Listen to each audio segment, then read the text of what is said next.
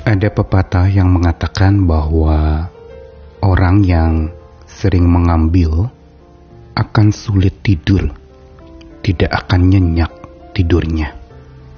Tetapi orang yang rajin memberi akan sangat lelap dan nyenyak saat dia tidur.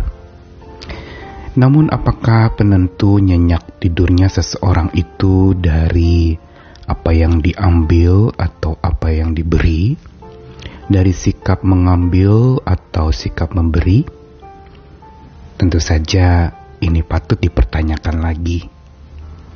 Kitab suci justru mengatakan orang yang dapat tidur nyenyak adalah orang yang hidup di dalam bijak dan hikmat Tuhan. Bijaksana yang dari Tuhan membuat seseorang itu takut akan Tuhan sehingga dia hidupnya selalu mempercayakan dirinya kepada Tuhan dan orang yang mempercayakan dirinya kepada Tuhan akan kerap diberdayakan oleh Tuhan. Makin dia dikuatkan juga pada saat di mana dia terbaring tidur nyenyak. Dan tidur nyenyak akan membuat seseorang menjadi makin sehat dan pulih di dalam kehidupannya. Bukankah dalam kitab lain juga di kitab suci dikatakan bahwa sia-sia orang bekerja, berusaha, tetapi Tuhan memberikannya justru pada saat seseorang sedang tidur. Tentu saja di balik ayat-ayat itu ada maksud bahwa pemercayaan diri yang penuh kepada Tuhan akan membuat pemberdayaannya menjadi makin efektif dialami dan ditemukan oleh orang yang terus hidup bijak dari Tuhan. Karenanya, mari kita telusuri nyenyaknya si bijak.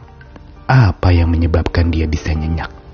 Saya Nikolas Kurniawan menemani lagi di dalam Sabda Tuhan hari ini dari dua ayat di dalam Amsal pasal 3 ayat yang ke-24 dan 26.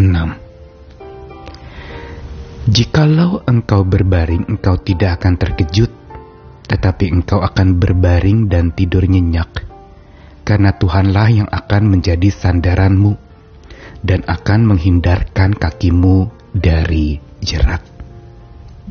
Amsal 3 adalah bagian dari kitab Amsal di bagian pembukaan yang mau menegaskan tentang betapa pentingnya hikmat dimiliki oleh setiap orang.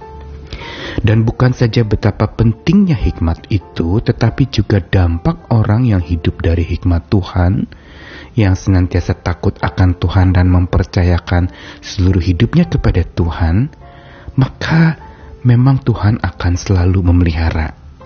Baik dia berjalan, baik dia duduk, baik dia bekerja, bahkan pada saat dia berbaring dan lelap.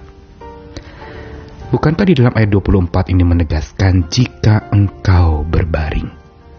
Engkau di sini adalah orang-orang yang hidupnya dari hikmat Tuhan, orang-orang yang hatinya takut akan Tuhan, orang-orang yang mengandalkan pengertian dari Tuhan, tidak terburu-buru dalam bertindak atau berkata, tidak terburu-buru dalam menilai atau bahkan menghakimi orang, tetapi dia selalu bersandarkan Tuhan di dalam hidupnya selalu bertanya dulu kepada Tuhan sebelum melakukan segala tindakan dan selalu mempertimbangkan apa yang Tuhan inginkan pada saat dia menginginkan sesuatu. Dan dikatakan bahwa engkau tidak akan terkejut. Orang yang hidupnya dari bijaksana oleh Tuhan tidak akan terkejut walaupun hidup penuh dengan kejutan.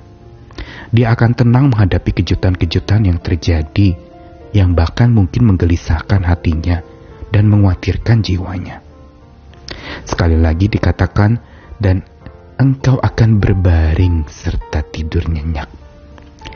Berarti ada sebuah ketenangan yang sempurna yang dimiliki oleh seseorang yang hidupnya menang di dalam bijaksana yang dari Tuhan.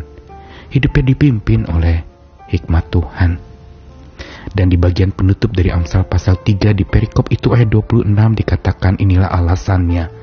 Kenapa orang yang hidupnya dari bijaksana Tuhan pada saat berbaring akan tidur nyenyak dan lelap tidak mudah terkejut. Inilah andalannya, yaitu Tuhan yang akan jadi sandarannya. Tuhan yang ibaratnya kalau orang sedang tidur itu menjadi bantal tempat di mana lehernya atau kepala orang yang berbaring itu merasa kenyamanan yang luar biasa. Dan juga bagaimana guling yang biasa dipeluk pada saat lelap itu akan memberikan kenyamanan, sebuah istirahat yang menenangkan, menenteramkan. Dan dikatakan di sini, Tuhan akan bukan saja jadi sandaran tetapi menghindarkan kaki kita dari jerat. Inilah sebenarnya yang harusnya kita pikirkan di dalam hal yang kecil yaitu istirahat, yaitu nyenyak tidur. Pelajaran hari ini mau memberitahu bila bijak mendekap, nyenyak lelap akan menyembuhkan hidup. Karena kenapa kita bisa nyenyak karena hidup yang berbantalkan Tuhan yang tidak pernah lelap menjaga kita dan bergulingkan sigapnya Tuhan yang tidak pernah lepas mendekap hidup kita. Karenanya biarlah kita berbantalkan dan bergulingkan Tuhan yang kepadanya kita taruh pengharapan kita, yang kepadanya kita tumbuhkan iman kita, dan yang kepadanya kasih kita kita alamatkan. Tuhan mengasihi dan memberi kekuatan kepada kita apa pun yang sedang kita alami, apa pun yang sedang kita temukan hari-hari ini. Biar bersama dengan Tuhan dan bijaksana yang dari Tuhan, kita bisa dibuat tenang dan nyenyak pada saat tidur lelap. Tuhan menjaga, Tuhan tidak pernah terlelap menjaga dan melindungi kita. Karena itu tetaplah bersiap memberi diri untuk selalu disertai olehnya. Tuhan mengasihi kita sekalian. Amin.